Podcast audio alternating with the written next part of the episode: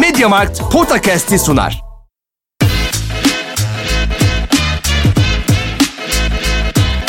Potakast. Kaan Kural ve Orkun Çolakoğlu'yla NBA gündemine haftalık bir bakış.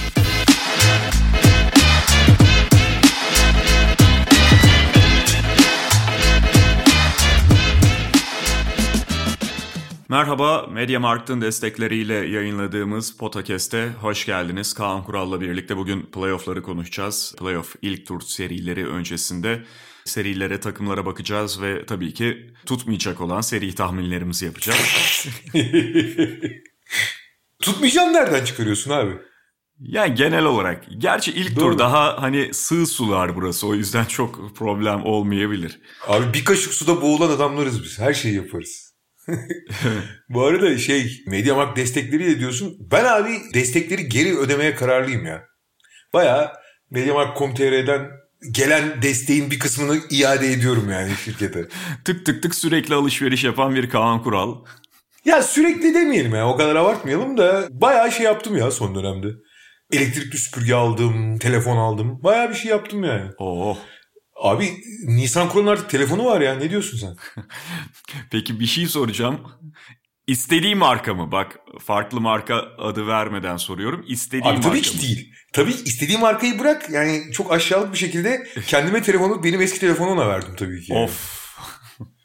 Ben kendi istediğim markayı aldım diyebilirim ama. İstediğim derken fiyat performans açısından avantajlı bir markayı aldım. Öyle yüksek yerlerde yüksek meblağlar ödemedim ama gayet kendime telefon alıp eski telefonu direkt itiledim kıza yani. Nisan Kural bunların yanıtını verecek güçtedir. 9 yaşında abi. Henüz o güçte değil. Nisan Kural'ın gücünü kimse sınamasın. Vallahi yavaş yavaş sınayamıyorum ya zaten. Öyle bir durum var yani.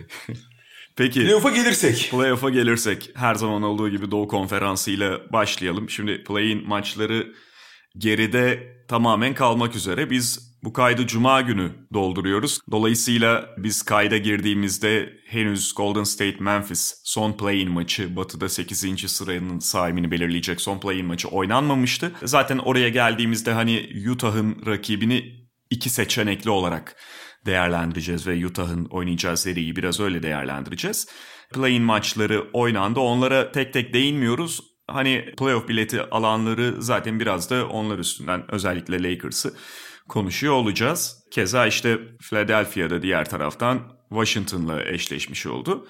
Yani play-in'de hani Warriors Lakers'ı bir kenara koyarsak genel kalite şu ana kadar çok tatmin etmedi. Memphis Golden State'i dediğimiz gibi bilmiyoruz. Ama Warriors Lakers da tek başına play'ini birkaç sezon daha devam ettirecek şeydeydi. Etkideydi ve başarıdaydı. Ratingler de ulaşacaktır. Bununla birlikte Kaan abi yani Washington işte dün farklı kazandı, istediğini aldı.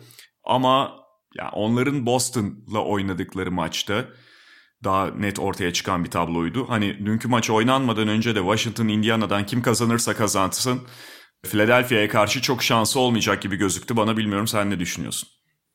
Çok haklısın abi. Öncelikle şeyden bir bahsedeyim ama. Abi şimdi playoff dönemi geldiği zaman hep biz işte yani playoff basketbolunun biraz daha farklı olduğundan, daha başka oynandığından bahsediyoruz. Hani birçok faktör var bunun için.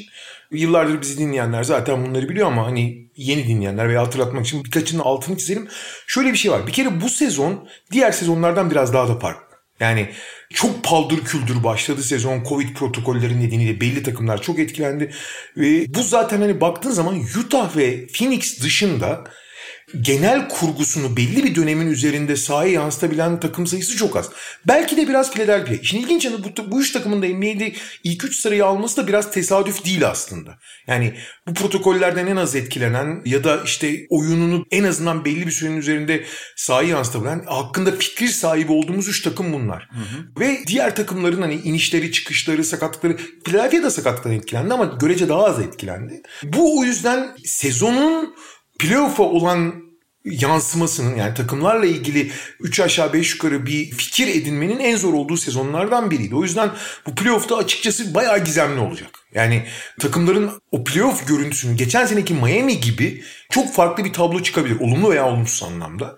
Hani hakikaten öngörmek çok zor. Belki bir de New York sayabiliriz. Yani hani ne olup ne bittiğini bildiğimiz ve açıkçası playoff'ta ne oynayacağını 3 aşağı 5 yukarı tahmin edebildiğimiz. Ama diğer takımların hepsinde çok ciddi değişkenler var. Bütün hani 16 hatta şu anda 17 takım var da hani 17 belki de biraz hani Golden State'de hani sezonun ikinci yarısı olarak diyebilirsin.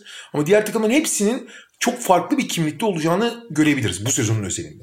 Şimdi playoff özelinde de birkaç tane nokta var hani hep söylüyoruz. Ben onların bir kere de altını çizeyim. Bir kere hani maçların çok daha yoğun olacağını, takımların çok daha büyük bir konsantrasyonla, daha çok daha yüksek bir eforla oynayacağını hani söylemeye gerek yok zaten. Hani o şeyin eşyanın tabiatı gereği.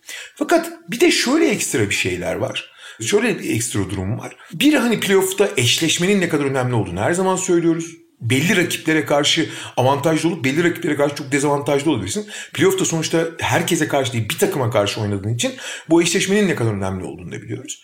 Esas önemli kritik nokta yani playoff'taki değişken iki tane ana nokta var. Birincisi abi normal sezonda veya normal bir takımla yani normal bir maçta Takımlar genelde kendi standartlarını yükseltmeye, kendi alışkanlıklarını geliştirmeye, kendi rotasyonlarını belirlemeye çalışıyorlar. Çünkü abi NBA'de sürekli rakibe karşı oynayamazsın. Çok yüksek bir tempo, aşırı yükleme olur. Hani zihinsel yükleme olur oyunculara. Gerek yok. Çünkü sen kendi en iyi haline gelmek için yani daha doğrusu NBA'nin normal sonu çok büyük bir hazırlık turnuvası gibi. Yani takımın en iyi haline gelmeye çalışıyorsun. Rakibe göre hazırlanacak ne zaman var, ne fırsat var, ne de gerek var yani. Bu kadar yükleme yapmaya. Ama Playoff olduğu zaman seri oynadığı için rakibe göre hazırlanıyorsun. Rakibe göre belli stratejiler biliyorsun. Rakibe göre belli rotasyonlar, savunma stratejileri biliyorsun. Bu birçok şeyi çok değiştirebiliyor. Ve bunun en büyük sonucu şöyle oluyor. Strateji dediğin şey, plan dediğin şey, oyun yapısı dediğin şey kolay sayıları kolay sonuçları elde etmeyi arttırmayı amaçlı. Yani ne kadar kolay sayı bulabiliyoruz? Bu takım en verimli nasıl hücum eder? Abi rakibe göre hazırlandığın zaman rakibin ana yaptığı şeyleri elinden almaya çalışıyorsun ve büyük oranda da alıyorsun. Yani hangi oyuncular ne kadar en rahat nereden hücum ediyor? Hücum sistemlerinde, hücum setlerinde kim nereden nereye gidiyor? Hangi oyuncular daha fazla sadık kalıp hangi oyunları oynuyorlar? İşte çok fazla ikili oynayan takımlara karşı daha fazla switch yapabiliyor musun? Hangi eşleşmelerde switch yapabilirsin? Bunların çok daha spesifik olarak incelendiği için ne oluyor abi? Normal sezonda, normal zamanda çok daha senin sistemsel olarak kolay bulduğun sayılar azalıyor. Yani sistemin yarattığı kolaylıkları playoff eşleşmede elinden alıyor rakipler. Sistemin yarattığı kolaylıklar azalıyor. Ha bunu çok çok keskin, çok çok üst düzey yaparsın. Sistem kolaylıklarını belli oranda koruyabilirsin ama normal sezon kadar koruyamazsın abi sistem kolaylıklarını. İşte bu yüzden de sistemin yaratamadığı kolaylıkları bireyler yaratmak zorunda. O yüzden zaten hep diyoruz ya bir serideki en önemli oyuncu, bir numaralı oyuncu çok büyük fark yaratıyor. Çünkü sistemin çok daha az ürettiği, takımın çok daha az ürettiği yerde abi bireylerin özel yetenekleri işte o yüzden süper yıldızlar buralarda çok daha önemli. Çünkü onlar hem zaten sistemin merkez parçası, sistem işlemediği zaman da çalıştıran parçalar. Bir. ikincisi bunun bir yanı şeyi olarak da abi seri ilerledikçe takımlar birbirine alıştıkça takımların ana işte bulduğu kolaylıklar rakip tarafından daha alışılıyor. Yani işte belli set paternlerinde, belli ikili oyunlardaki pas açıları, devrilme açılarını öğrendikçe takımlar daha fazla bunlara engel olmaya başlıyorlar. O zaman seri içindeki hem bireysel hem takım esneklikleri rakibin aldığı önleme yaptığın kontralar kontraya yapılan kontraların önemi artmıyor. Seri ilerledikçe bazı takımlar daha da yükselirken performans artarken bazı takımların performans düşmeye başlıyor. Hı hı. Bu da çok önemli bir faktör ve seri oynamanın playoff oynamanın bir sonucu diyelim. Peki devam edelim. Philadelphia Washington'la. Ya demin de dediğim gibi yani Washington Indiana henüz oynanmadan da Washington'ın işte Boston maçındaki görüntüsüyle, Indiana Charlotte karşısında pek maç yapmış gibi değildi ama onların da sezon görüntüsüyle ve hani Philadelphia'nın bunlara karşı kağıt üzerindeki üstünlükleriyle birlikte hangisi çıkarsa çıksın biraz tek taraflı bir seri olacak hissi veriyordu. Washington karşısına çıktı Philadelphia'nın ve yani çok fazla şansları olacaklarını hatta maç alma konusunda bile şanslarının çok fazla olduğunu ben düşünmüyorum. Yani fazlasıyla tempolu oynayan bir takım Washington ve bunun bir maçta ters gelme ihtimali var mı? Evet var. Ama Diğer taraftan şunu da söylemek gerekiyor. Washington'da bu sezonun büyük bölümünde aslında playoff'un dışında kalacak gibi gözüken son bölümdeki atağıyla ve sadece o atak da değil yakın olduğu takımların da düşüşüyle birlikte buraya kendini atabilen bir takım. Yani evet normal sezonu 8. bitirdiler. Sadece play-in formatı sayesinde içeriye girmedi Washington. Ama Charlotte'ların, Indiana'ların büyük düşüşü biraz da o pencereyi açtı Washington'a. Elbette kendileri de son dönemi iyi geçirdiler. Fakat o Washington'ın son bir, bir buçuk ayı çok da belki aldatmamalı bizi. Nitekim bence Boston maçında özellikle sınırlarını gördük Washington'ın. Yani Philadelphia'da sonuçta ligin en iyi takımlarından biri. İşte konferansı birinci sırada bitirdiler. Ve yani Wizards'ın onlara dediğim gibi tek bir maçta bu çok yüksek tempo biraz iyi şut performansıyla birleştiğinde ters gelebilir mi? Gelebilir.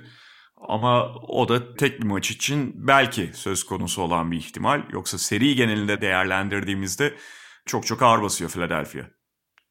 Abi şöyle bir şey var. Ligin son 21 maçı ki 21 önemli bir sayı abi. Aha. Yani 72 maçlık bir sezonda. 16 galibiyet aldı Washington ve kaybettiği 5 maçın 4'ü tek topa biri de 5 sayıyla bitti. Yani 4'ü tek topta biri 5 sayıyla bitti. Hı hı. Şimdi böyle bakınca Ulan sezonun son 21 maçı itibariyle ligin en iyi takımlarından biri derece olarak. Fakat abi bu bayağı aldatıcı. Biraz evvel dedim ya hani rakibe göre hazırlanmak çok önemli falan diye. Sen de düş, rakiplerin düşüşlerinden o fikstür iyi oynadı Washington. inkar etmiyoruz. Ama bu derece yani sadece bu açıdan bakarsan 21 maçın 16'sını kazanmış. Diğerlerini de hep son topa kadar götürmüş. Burada tabii ki Washington'ın yara özellikle Russell Westbrook'un sezonun ikinci yarısında liderliğe soyunması, bu dağınık yapının Westbrook abi ideal bir lider Washington. Çünkü Washington belli bir kurgu üzerinden, belli bir ne bileyim takım kurgusu üzerinden, takım stratejisi üzerinden oynayan bir takım değil. Yüksek tempoda çabuk karar veren, açık sağ bulan, bulduğu zaman etkili olan bir takım. Yani aynı Russell Westbrook'un istediği türde oynadığı zaman etkili olan bir takım. Bradley Beal da karar verici değil, bitirici role oynadığı zaman çok da verimli oluyor. Keza bütün oyuncular da o Westbrook'un yırtıcılığı, bilinmezliği, yaratıcılığı, doğaçlamasından besleniyorlar. Bunlardan iyi besleniyor. Artı Gafford takasın, Daniel Gafford takasından sonra Robin Lopez ve Daniel Gafford'la biraz da Alex Len ki ilk geldiğinde Len, Len daha etkiliydi ama şu anda Len'in hiç oynamaması lazım. Gerçi Scott Brooks hocam sağ olsun e, bu tip kadro seçimleri konusunda ciddi problemdir. Mesela Ish Smith ile Russell Westbrook'u niye yan yana oynattığının hiçbir açıklaması yok. Birbirinin yani karbon kopyası gibi oyuncular. Smith onun şeyin light versiyonu gibi Westbrook'un. Bu iki şutör olmayan oyuncu niye yan yana oynuyor hiç çözülmüyor falan. Ya da Lene şu anda niye süre veriyor Gafford ve Lopez bu kadar etkiliyken. Bunları anlamak çok güç ama Brooks hocamdır bir şey demiyoruz. Şöyle bir durum var yalnız. Abi bu normal sezonda özellikle rakipler de dağınıkken çok işleyebilir. Ama Boston maçı örneğini verdin sen. Boston'da gördük. Hazır çıktığın zaman şeyin ne yapacağına yani Washington'ın ne yapacağına karşı hazır çıktığın zaman çok zorlanıyorlar abi. Buna en basit örneği de abi Westbrook'u dribbling sırasında değil potaya yakın karşıladığın zaman Westbrook'un zaafları eksikleri ortaya çıkmaya başlıyor. Şütörlerin başında kalıp şütör olmayan oyuncuları tutmadığın zaman mesela Smith'i savunmadığın zaman şutunu ama Daris Bertans'ın dibine girdiğin zaman ne oldu abi? Daris Bertans'ın dibinden ayrılmadı Boston 7'de 0 attı abi Bertans. Hı hı. Şimdi bunları yaptığın zaman da ne kadar sınırlı olduğunu görüyorsun. Buradaki en büyük şanssızlığı Washington'ın Bradley Beal sakat. Yani hamstring sakatlığıyla oynuyor. Elinden geleni yapıyor ama etkili. Şimdi Bradley Beal full olsa şansları biraz daha artabilirdi. Ama böyle bir senaryoda yani rakip Washington'a hazırlandığı zaman Washington'ın ne kadar büyük zaafları olduğunu, ne kadar büyük kurgusal problemler olduğunu ve ne kadar şey gibi yani Westbrook'un bünyesinde vücut bulan hani dağınık saldırganlıkla oynadığını ve bunun kontrollanmasının kolay olduğunu Bir, yetmezmiş gibi Washington, mesela Washington Brooklyn'le oynuyor olsaydı daha ilginç bir seri olabilirdi bu. Ama abi Philadelphia'ya diş geçirmesine imkan yok yani. Çünkü Philadelphia'da bir abi şeyle eşleşebilecek harika oyuncular var. Westbrook'la.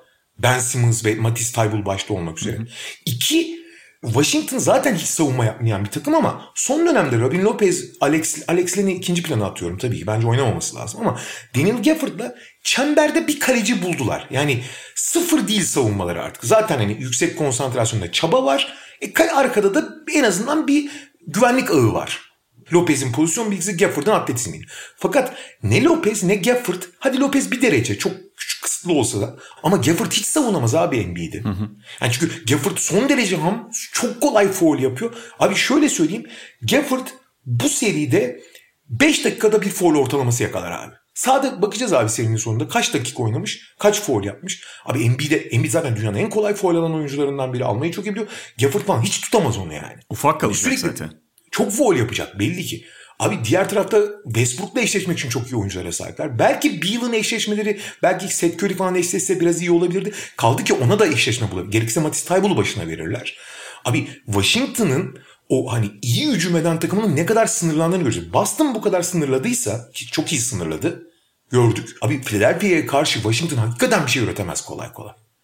O yüzden ben de hani bir maçta her şey olur tabii ki ama benim de tahminim 4-0 olacak. Ve yani bunun yanında işte Embiid'i nasıl savunacaklarından bahsettin bu konuda çözüm olmamalarından. Mesela tabii ki dikkat çeken Embiid ama bundan 3 gün önce Jason Tatum'ı savunamayan Washington şimdi bir de Tobias Harris'le mücadele etmek durumunda. Evet. Tabii ki Tobias Harris Jason Tatum seviyesinde değil ama o fizikte skorer kanat oyuncularına karşı Washington'ın çözümü yok.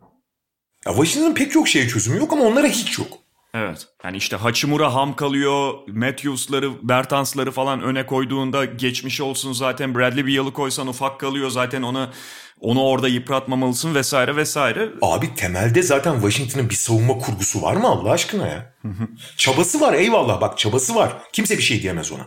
Yani Bradley Beal'ın e, her şeyi bırak Bradley Beal'ın fedakarlığı ortada. Ama abi çabayla bir yere kadar hani bir şeyler yapıyorsun. Kolektif falan hiçbir şey yok ortada yani. O yüzden ben de 4-0 diyorum. Ben de 4-0 diyorum abi.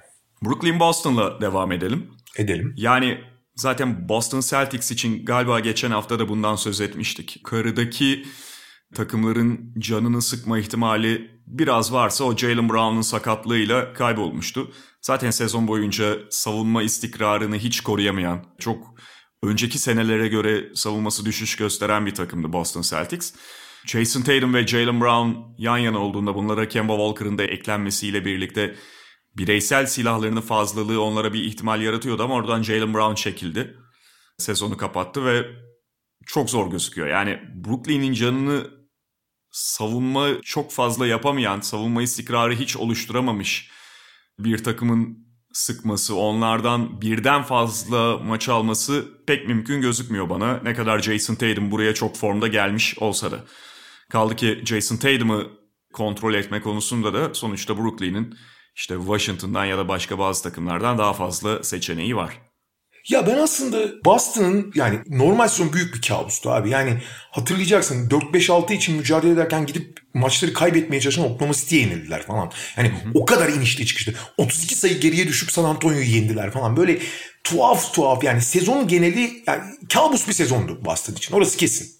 Yani ne bir istikrar sağlar ne bir devamlık ki Boston takımları, Brad Stevens takımları her zaman son derece dengeli olmuşlardı. Bu sezon hiç öyle olmadı. Bir sürü sebebi var bunun. Başta Covid olmak üzere, takım içi dengeler olmak üzere vesaire vesaire. Fakat ben playoff'ta onların bir kurgu, bir temel yapıp bir odaklanmayla daha iyi olabileceklerini düşünüyorum. Daha iyi derken geçtiğimiz yıllardaki gibi Batı şampiyonluğu adayı olmaları artık sezon başında öyleydiler ama bu sezon ortasında o ihtimal kaybolsa da playoff'ta çok daha rekabetçi olabileceklerini düşünüyordum. Şimdi Jalen Brown kaybedilince şöyle bir durum oluştu.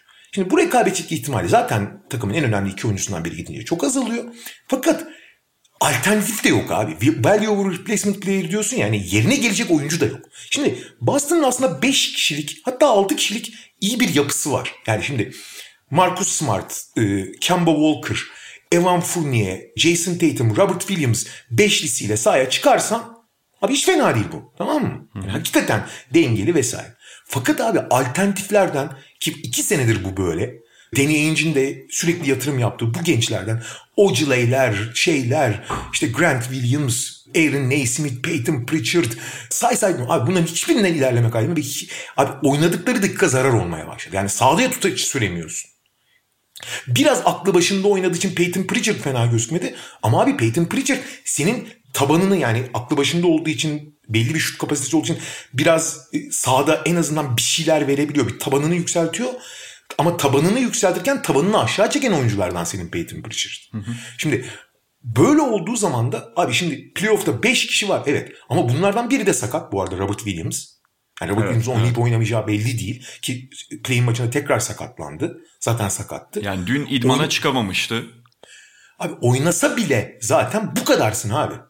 Yani anlatabiliyor muyum? Bunlardan birinin foul problemi gelir. Kötü gün geçirmesi. Fournier iki tane kötü şut attığında ne yapacaksın abi? Kemba Walker'ın biraz dizi ağrıdığında. Bu yüzden de çok sınırlılar. Ve kenardan gelen oyuncular girdiği zaman o kurguyu, hücum devamlılığını, savunma devamlılığını sürdüremiyorsun. E abi böyle bu durumda da iyi senaryolarda bile abi Brooklyn zaten yani şimdi savunmayla Brooklyn'i bozdun gibi. Washington'ı bozduğun gibi. Abi Brooklyn'i bozmak bir şey değiştirmiyor ki. Brooklyn çünkü hani Harden, Kyrie Irving ve Durant sağlıklı olduğu sürece abi sen ne kadar bozarsan boz acayip bir skor potansiyeline sahip. Yani Durant'e veriyorsun şutu atıyor. Kyrie'ye veriyorsun iki cambazlık yapıyor potaya atıyor. Harden muazzam ikili oynuyor. Yani onları zaten belli bir seviyenin altında tutamıyorsun ki. Boston'ın tamam Brooklyn'in de bir takım sorunları var özellikle savunma tarafında ama Boston ne kadar vurursa vursun Brooklyn'i yetişebileceği seviyede tutamaz. Hakikaten tutamaz yani.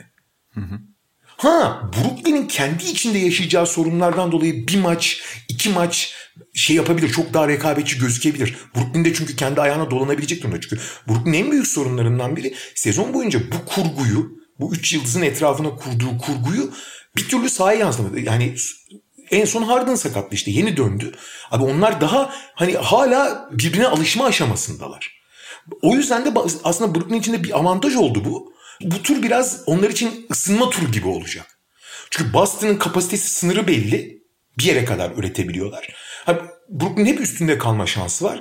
E, devamlılık, uyum gibi şeyler olmasa bile Brooklyn bunun üzerinde rahatlıkla kalabilecek durumda. Ha bir maç çok uyumsuz olurlar. Kazanabilir bir tane maç. Ama birden fazla maçta bilmiyorum. Bu seride yalnız şöyle bir şey olabilir. Brooklyn ciddi bir çember altı tehdidi olmadığı için Grant Williams'ın daha fazla olduğu, daha fazla switch adı yapılan, daha fazla kısa temelli beşlerle ki Grant Williams sezonun ikinci yarısında hiç iyi değildi. Son ay zaten rotasyon dışına da düşmüştü. Ama onun iyi olduğunu yani bu seride oynayabileceğini varsayarak konuşuyorum. Çünkü diğer türlü olmaz. Williams'ın şut tehdidine çok ihtiyaçları var. Belki 5 dışarıda düzenleriyle biraz daha hücumu yukarı çıkarabilen bir düzen kurabilirler. Dediğim gibi Brooklyn'in kendi iç dinamikleriyle, kendi iç uyum çabalarıyla, ısınma çabalarıyla bir maç verilebilir. Ama daha fazla ben Boston'un çok kötü gözükmeyeceğini ama hep bir seviye altta gözükeceğini düşünüyorum. Ben kötü de gözükebileceklerini düşünüyorum. Yani bilmiyorum. Ha zaman biraz- zaman gözüküyorlar abi zaten. Yani zaman zaman gözüküyorlar. Şöyle yani Brooklyn çok üstün olacak ama skorda bazen bir şekilde tutunabilir. Bir maç alma ihtimali var Boston ya. Ben bir maç Brooklyn'in tuhaf tuhaf işler yapabileceğini düşünüyorum şahsen. E, Ben de bir maç diyorum. Şöyle söyleyeyim ben de hani ben de Nets'in çok iyi gözükmeyebileceğini seri genelinde ama Boston'ın hiçbir zaman boyunun yetmeyeceğini düşünüyorum. Yani işte bir Ha, ha, maçta. Aynı. Aynı abi. Yani, yani aldığı bir maçta bile çok böyle tatmin edici oyun oynamayacak gibi geliyor Boston. Yani zaten Şöyle- nasıl mümkün bu kadroyla? Ben de şey demeye çalıştım zaten. Yani Boston bir maç kazanabilir. Kazan emin değilim yani kazanmama ihtimali daha yüksek. Ama o kazandığı maçta bile Brooklyn yüzünden kazanır kazanırsa. Tabii tabii. Yani öyle hani çok böyle çağlayan bir hücum performansı falan. Ulan bugün de çok özel günlerine geldi. O yüzden Nets kaybetti dedirterek değil ama biraz daha Nets belki şeyiyle Nets'in çok çok kötü gününde olmasıyla bir gün bir maç kazanabilirler. Onların da çıtayı çok düşürmemesi kaydıyla. Ama ben 4-1 diyorum burada. Ben de 4-1 diyorum. Dediğim gibi yani o da Brooklyn yüzünden olursa olur ki ona da çok emin değilim yani. Milwaukee Miami ile devam edelim. Tabii Oy. geçen sezonun rövanşı. Dolayısıyla Milwaukee sadece geçen sezon değil yani iki senedir biraz beklenti altında kalmış gibi algılandığı için hep onların playoff'ta tekrar takılması bekleniyor. Çok da normal bu ve hani daha ilk turdan yine Miami'nin gelmesi karşılarına bir soru işareti belki ortaya çıkarmış olabilir. Fakat iki takım içinde geçen sezona Bubble'a kıyasla farklılıklar olduğunu hatırlamak gerekiyor. Yani Milwaukee Bucks kadrosunu önemli ölçüde değiştirdi. Tamamen bir yenileme olmasa da e, Drew Holiday'in ve PJ Tucker'ın o kadroya eklenmesi onları Miami ve benzeri yapılara karşı çok daha hazır hale getiriyor. Geçen seneki esneklik problemlerinin önemli bölümünü aşmış gözüktüler normal sezonda. Tabii ki playoff'ta bunu göstermek farklı bir şey. Ama personelin orada olduğu artık personel olarak daha esnek oldukları, daha hazır oldukları açık. Ve bunun yanında Miami'de çok konuştuğumuz bir şey sezon boyunca. Burada bir kez daha tekrarlamak gerekirse Miami'de geçen sezonki bench desteğinin işte onları tehlikeli kılan ana parçaların değil ama detay parçaların önemli bir kısmını kaybetti. Yani bazılarını şey olarak kaybetti, somut olarak oyuncunun gidişiyle Jay Crowder örneğindeki gibi. Bazılarının da Goran Dragic, Tyler Hero gibi oyuncuların da Bubble'daki performanslarının düşmesiyle birlikte sarsılma yaşadı Miami Heat. Sezon sonuna doğru biraz toparladılar. Normal sezonun bütünündeki görüntülerine göre biraz daha toparlanmış bir görüntüdeydi Miami Heat ama bütün sezon o kadar istikrarsızdı ki zaten o bir net referans noktası oluşturmuyor. Ve yani şöyle toparlayarak sana vereyim abi. Geçen seneki kadar sonuçta geçen seneki de sürprizdi ama sürprize geçen seneki kadar hazır bir Miami takımı hiç göremiyorum. Ve Milwaukee'yi de çok daha hazır görüyorum. Abi şöyle bir kere geçen seneki Miami'nin çok istisnai bir amiyane tabirle denk gelme olduğunu anlamamız lazım abi. Yani o kusursuz dengeyi bulmak personelden bağımsız çok nadir olacak bir şey abi. Hani hakikaten öyle. Yani Tyler Hero'nun rolünü düşünürsen. Abi en basit yani geçen sene çok konuştuk ya. Geçen sene hücumun lideri Goran Dragic'ti abi. Hı hı. Yani şimdi Dragic'in bırak hani o performansı tekrarlamasını o performansa ilk planda çıkmış olması bile büyük bir mucize. Çünkü için abi evet zaman zaman e, işte Slovenya milli takımında 2017'de olduğu gibi ya da Phoenix'teki son sezonda olduğu gibi olağanüstü sezonları var ama Dragic onlardan çok uzaklaştı. O günlerden sonra sürekli sakatlıklarla andığımız evet kısa periyot yani abi geçen senenin tamamında yedekti abi 20 dakikalar oynuyordu zaten Dragic. Ve hiçbir zaman bu seviyeye çıkmamıştı. Ha belki o az oynamasının da faydası vardır ama bu seviyeye çıkacağını kimse tahmin edemezdi ya da böyle bir kusursa yakın bir rol dağılımı değişiminin bir anda gerçekleşeceğini kimse tahmin edemez. Abi bu kadar değişik şey yani oyun planını, personel planını bu kadar değiştirip bu kadar kusursuz bir şekilde uygulamak kısa sürede hakikaten çok özel bir durum. Ha personel buna hazırlıklıdır, sezon boyunca hazırlanmıştır. Öyle bir aralarında uyum vardır. Var bunların hepsi. Hiçbir şey demiyoruz. Ama abi bu kolay kolay yakalanmaz. Sonra Tyler Hero gibi dağını çok aşırı cesur ama bu cesareti delilik sınırında olan fakat bu takım içi kurguda onu çok iyi bir yere konumlandırmış bir yerdeydi. İnanılmaz verim aldılar geçen sene final serisi hariç. Final serisinde Dragic ve Adebayo'nun eksikliğinde Tyler Hero'nun nasıl sorun oluşturabildiğini de gördük. Ve sezonun genelinde Tyler Hero iyi bir sezon da geçirmedi zaten ayrı konu ama takımdaki dengeler bozulduğu zaman Tyler'ın artı değil eksi verdiğini de görüyorsun mesela. Benzer şeyler biraz Duncan Robinson için de geçerli. Çünkü bu takımda özellikle Robinson, Hero gibi oyuncuların, Dragic gibi oyuncuların o denge, o şöyle hep diyordum ya ben geçen sene. Hücumcular ve savunmacılar var. Yani hiç hücum edemeyen savunmacılar var. Iguodala, Derrick Jones Jr. gibi. Geçen sene için konuşuyorum. Ya da hiç savunma yapamayan hücumcular var işte. Tyler Hero, Dragic ve Robinson gibi. Fakat bunları o kadar güzel bir dengede zaaflarını kapatıp iyi yanlarını öne çıkaran bir denge oluşmuştu ki bunlar ortaya çıkmıyordu. Ama bu dengeyi bozduğun zaman bu sefer zaaflar ortaya çıkıyor abi. Kaldı ki playoff genelde zaafların ortaya çıktığı yerdir. Zaaflara saldırılır. Fakat Miami bunu işte önde iki forvet kullandığı, zayıf savunmacıları arkaya attığı zonlarla çok iyi dengelemişti. Rotasyonu acayip e, şey yapıyordu. Kısa beşlerle oynuyordu. Adebayo'nun çok yönlülüğünü inanılmaz kullanıyordu falan. Ama bunu tekrarlamak imkansız. Ve artık abi Drag için bir kere her şeyden önce bir daha oraya çıkmasına gene bir mucize olması lazım. Tabii yani bu kolay bir şey değil. Bu olmadığı zaman işte Robinson da geçen sene oranla biraz çok iyi bir sezon geçirmedi zaten ama dediğim gibi takım kurgusuyla da alakalı bu. Yani en iyi yaptıkları iş o Adebayo Robinson handoffları bile sezon boyunca çok çalışmadı. Sezon sonuna doğru biraz biraz toparlanıyor gibilerdi. Abi en basit örneği yani Miami'nin sorununun yani durumunu anlatmak için en iyi örnek abi takımın en önemli iki oyuncusu Jimmy Butler ve Bam Adebayo geçen seneden daha iyi bir sezon geçirdiler. Hakikaten iyi durumdalar. Butler birkaç hani maç kaçırdığı için onun eksikliğini hissettiler ama hmm. oynadığı sürece ki sezonun önemli bir yani yarısından çoğunu dörtte üçünü oynadı Butler. Abi oynadıkları maçlarda takımın lideri ve geçen seneden çok daha ilerdi. Butler kariyerinin en iyi sezonunu geçirdi. Keza Adebayo da öyle. Fakat abi onların bu kadar iyi oynaması, bu kadar öne çıkması sistemin zaten çalışmadığının bir göstergesi. Yani hem savunma hem hücum anlamında. Adebayo'nun üzerine bilen yüküm haddi hesabı yok. İşte o yüzden de o yani personelden bağımsız performans yükselişini bu sene o kadar beklememek lazım. Her ne kadar senin söylediğin gibi son bir buçuk ayı biraz daha iyi geçirmiş olsalar da yani geçen sene bizim tahmin ettiğimiz tavanlarının daha üzerinde bir performans gösterdiler. Bu sezon o tavanın daha altında kalacaklar ki o tavan geçen seneki tavan kadar bile değil zaten. Evet daha değerli toplular, evet daha iyiler ama kolay değil. Artı şimdi Milwaukee tarafına gelirsek Milwaukee'de abi geçen son iki senedir daha doğrusu olağanüstü bir normal sezon geçirdikten sonra hep belli şeyleri yapan, onları harika yapmaya çalışan, en üst düzeyde yapmaya çalışan bir takımken Miami gibi bir takıma denk geldiği zaman geçen sene çok farklı şeyler gösterdiği zaman Miami işte Yanis'e karşı duvar örüyorlar. Yanis ne yapıyor? Ortaya giriyor. İki kişi üzerine çıkıyor. Köşeye veriyor. Şut atıyorlar. Aslında bu çok basit bir yöntem. Etkili de bir yöntem. Ama şutu sokamadığın zaman o devamlılığı sağlayamadığın zaman ana planından uzaklaştığın zaman alternatif üretmekte ya da aynı yani ana planın dışında devamlılığı sağlamakta çok zorlanıyordu Milwaukee. Hı hı. Şimdi abi çok daha farklı, çok daha esnek, daha dar bir kadro. Abi en basitini söyleyeyim. Abi Mike Budenholzer'ın hani A planı olmadığı zaman aptallaşıyor dediğimiz hani çözüm üretemiyor dedi. Abi en basiti geçen sene bile Yanis 32 dakika ortalamayla oynamıştı Miami serisini. Ya sakatlığını falan bir tarafa bırak.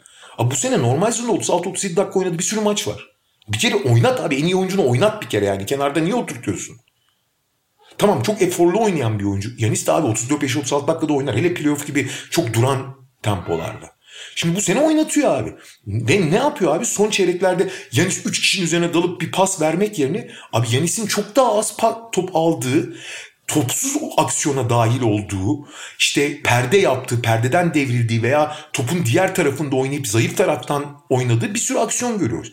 İşin ilginç yanı mesela artı savunmada abi. Şimdi Miami inanılmaz fazla handoff oynadığı ve perimetrede aksiyon yaptığı için Brook Lopez'in varlığı geçen sene harika bir sezon geçirdi Brook Lopez ama Brook Lopez çembere devrilip çemberi korumak üzerine oynayan bir oyuncu olduğu için perimetrede aksiyon yapan bir Miami hücumuna karşı çok etkisiz kaldı. Yani o Miami, sezon boyunca ligin en iyi savunmalarından biri olan Milwaukee Miami hücumunu hiç durduramadı. Ama bu sene kim var abi? PJ Tucker var. Çok daha fazla switch yapabiliyorlar. En büyük şansları PJ Tucker geldiğinden sonra son dönemde biraz sağlığına kavuştu. Çok az deneyebildiler o switch olmayı. Nitekim switch yapabilen yani ana planı dışında bir sürü şey üretebilen yeni bir lider Chris Middleton yani Yanis'in alternatif olarak Chris Middleton ve Drew ikinci bir lider elde ettiler. Topu emanet edebilecekleri. Fakat abi bunları iyi uygula geçen sene ana planı mükemmel uyguluyorlardı başka planları yoktu. Şimdi çok daha esnekler çok daha opsiyonları var fakat uygulamada büyük sorunlar var. Çünkü hiç uygulayamadılar doğru düzgün. Gerek Tucker'ın geç katılması gerek işte Yanis'in aradaki sakatlığı devamlılık problemleri falan derken uygulamada bu sefer sorun oldu. Ama abi opsiyona sahip olmak, çeşitlilik sağlayabilmek ne olursa olsun bir yere sıkışmaktan iyidir. Çünkü o şeyi keskinliği sağlarsın seri ilerledikçe, playoff ilerledikçe. Milwaukee o yüzden geçtiğimiz yıllardan çok daha yüksek bir potansiyele sahip. Ha o potansiyelin şu ana kadar belli bir kısmını karşılayamadı ama karşılayabilir. Ve açıkçası Miami'ye verecekleri çok net yanıtlar var ve genel toplamda da daha üst düzey bir takım. Personel olarak Milwaukee. Ve şey de çok önemli abi. E, ligin son cumartesi günü Milwaukee Miami maçı vardı hatırlıyor musun? Hı hı. Sondan bir önceki maç. Abi Milwaukee'nin 3. sırada olacağı kesinleşmiş gibiydi. Yani Brooklyn'in son maçı Orlando muydu neydi yani? Hani yenilme ihtimali çok düşüktü. Abi Milwaukee o maçı dinlendirip yenilseydi Miami ile oynamayacaktı. Miami muhtemelen dördüncülüğe gidiyordu yani oradan. Evet, evet. Fakat abi Milwaukee o maçta tam kadro oynayıp Butler da yoktu bu arada Miami'de. Tam kadroyu da bir yendim Miami'yi. Ve rakip yani kendine rakip etti. Ve aslında öyle de zor bir şey yaptı ki abi ta, Milwaukee bir anda hani diğer tarafta işte bakıyoruz Denver'a, Clippers'a neler yaptıklarını hani rakip seçmek için nasıl maçları bıraktıklarına. Milwaukee tam tersine çok kolay bir şekilde o maçta dinlendirse üçüncülüğü garantiyken Milwaukee Miami'den kurtulsa çok daha rahat edecekti eşleşme açısından. Atlanta veya New York'la oynayacaktı mesela. Artı kendi abi tarihin en zor yol, yoluna girdiler. Abi Milwaukee bu sezon şampiyon olursa gideceği yolu düşünebiliyor musun teorik olarak? Hı hı. Miami, Brooklyn, Philadelphia ve işte finalde kim gelirse. Abi yani doğudaki en iyi en iyi dört takımın üçüyle de arka arkaya oynamak zorunda kalıyor. Fakat bunu yaparak da kimseden korkmadığını bir tarafta yani nasıl Clippers kendisine kötü bir mesaj verdiyse oyunculara takımın kendi içinde acayip bunu mesele etmeden yani herkese karşı bir meydan okuma bu. Ben iyi bir fikir olduğunu düşünmüyorum bu arada. Yani evet bir özgüven tazelemek açısından falan iyi ama abi işini çok zorlaştırıyorsun ya. Kendi kendi işini çok zorlaştırdı yani Milwaukee bir taraftan da. Ama spor ahlakı bunu gerektirir. O yüzden Milwaukee'nin başarılı olmasını bir taraftan da istiyorum bu meydan okuma yüzünden. Ama bu sene Miami'den daha iyi olduk. Miami'nin o dengeyi, o geçen sene yakaladığı dengeyi yakalayamayacağını düşünüyorum yani. Ya ben zaten ilk turda Miami'den kaçmamalarının hani spor ahlakı bir tarafa şey bakımdan da pragmatik bakıldığında da çok sakıncalı olmadığını düşünüyorum. Zaten 4-1 tahmininde bulunacağım. Yani bu seneki Miami'den dediğimiz gibi değişen Milwaukee'nin korkması için o kadar da fazla sebep yok bence. Dolayısıyla hani etik davrandılar belki falan ya da işte dediğin gibi takıma başka tür bir mesaj vermemek için ne olacaksa olsun diye hareket ettiler ama sadece şey üstünden düşünüldüğünde de yani New York mu daha iyi olurdu Miami mi Atlanta mı çok net bir biçimde ya bunların arasında Miami yine olmasın yanıtını verebildiklerini sanmıyorum bu sene için. Doğru. Ben yine de 4-2 diyorum abi. Çünkü özellikle şöyle küçük yani sinekten yağ çıkarmak konusunda ufak avantajlar yakalamak konusunda Miami çok iyi. Milwaukee oralarda çok problemli bir takım abi. Yani işte ters bir eşleşmeyi anında cezalandırmak. işte rakip bir tökezlediğinde anında bir darbe vurmak. işte bir pozisyonda bir boşluk gördüğünde sistemin dışına çıkıp bir şey üretmek falan. Buralarda abi battır mattır falan çok uyanık adamlar. Ve Milwaukee'nin de psikolojik olarak belli yerlerde çok tökezleyebileceği, işte sırtını dayadığı belli oyuncuların Dante DiVincenzo'nun, işte Bryn Forbes'un mesela Bryn Forbes'un savunma zaaflarını çok Miami çok kötü cezalandırabilir falan. Buralardan yani sinekten yağ çık. Geçen seneki final serisini düşün abi. Yani eksik Miami'nin yine bir şekilde nasıl direndiğini Lakers'a karşı. Buralardan ben Miami'nin hakikaten detaylarda çok acayip e, ekstra işler yapabileceğini, bir gün çok çok iyi şut atabileceğini falan düşündüğüm için 4-2 olur diyorum ama 4-2 diyorum yani. Ben de 4-1 diyorum. Doğu'nun en ilginç gözüken serisine geçelim. 4-5 eşleşmesi New York Knicks, Atlanta Hawks. Gerginlikle başlamış oldu bir de seri. yani daha ne oluyor demeden. Nate McMillan hocam sezon ortasında takımın başına geçtikten sonra zaten şahlandırdı Atlanta'yı. Ondan sonra bir de daha playoff başlamadan ceza yedi. Hocam biliyorsun Bizans diye geçer New York. Tabii tabii. Kahpe Bizans. Kahpe Hocam büyük büyük şehrin takımı kullanıyor ya. Şimdi Nate McMillan hocam da Yılmaz Vural gibi bazı gerçekleri dile getirdiği için suçlanmış yani NBA yönetimi tarafından. Ne oldu? Gerçekler işine hoşuna gitmedi değil mi NBA'ciler? New York'ta bu arada 15 bin bilet satışa, satışa çıkarmış. Evet Hepsi sold out olmuş anında. Bu arada bak mesela vali de işin içinde abi. Biliyorsun o Cuomo pandeminin başından beri önlem önlem diyordu. Ne oldu? New York playoff yapınca tamam abi siz %75 kapasiteye çıkabilirsiniz dedi. Ben daha fazlasını duydum. 15 binden daha fazla taraftar alacaklarmış içeri. 15 bin sadece biletli. o, otobüslerle getiriyor New York.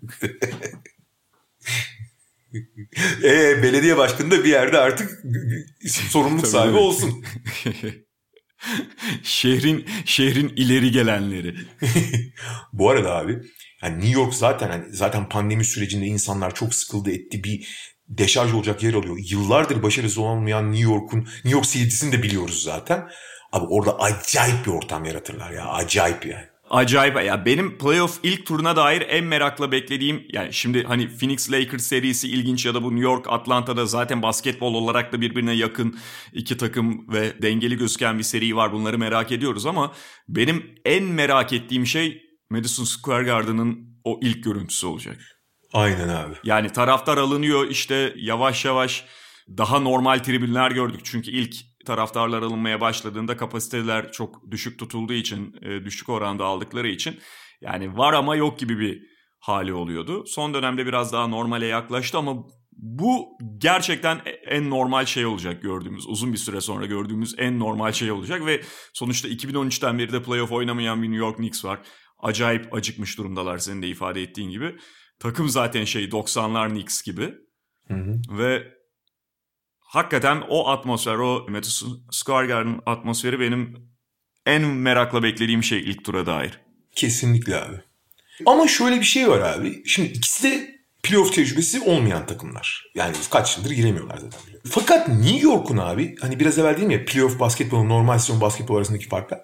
Abi New York zaten bütün sezonu playoff basketbolu gibi oynadı. Yani en yüksek konsantrasyonla, en yüksek yoğunlukla rakibe hazırlanarak Tom Thibodeau çok sever çünkü o işleri.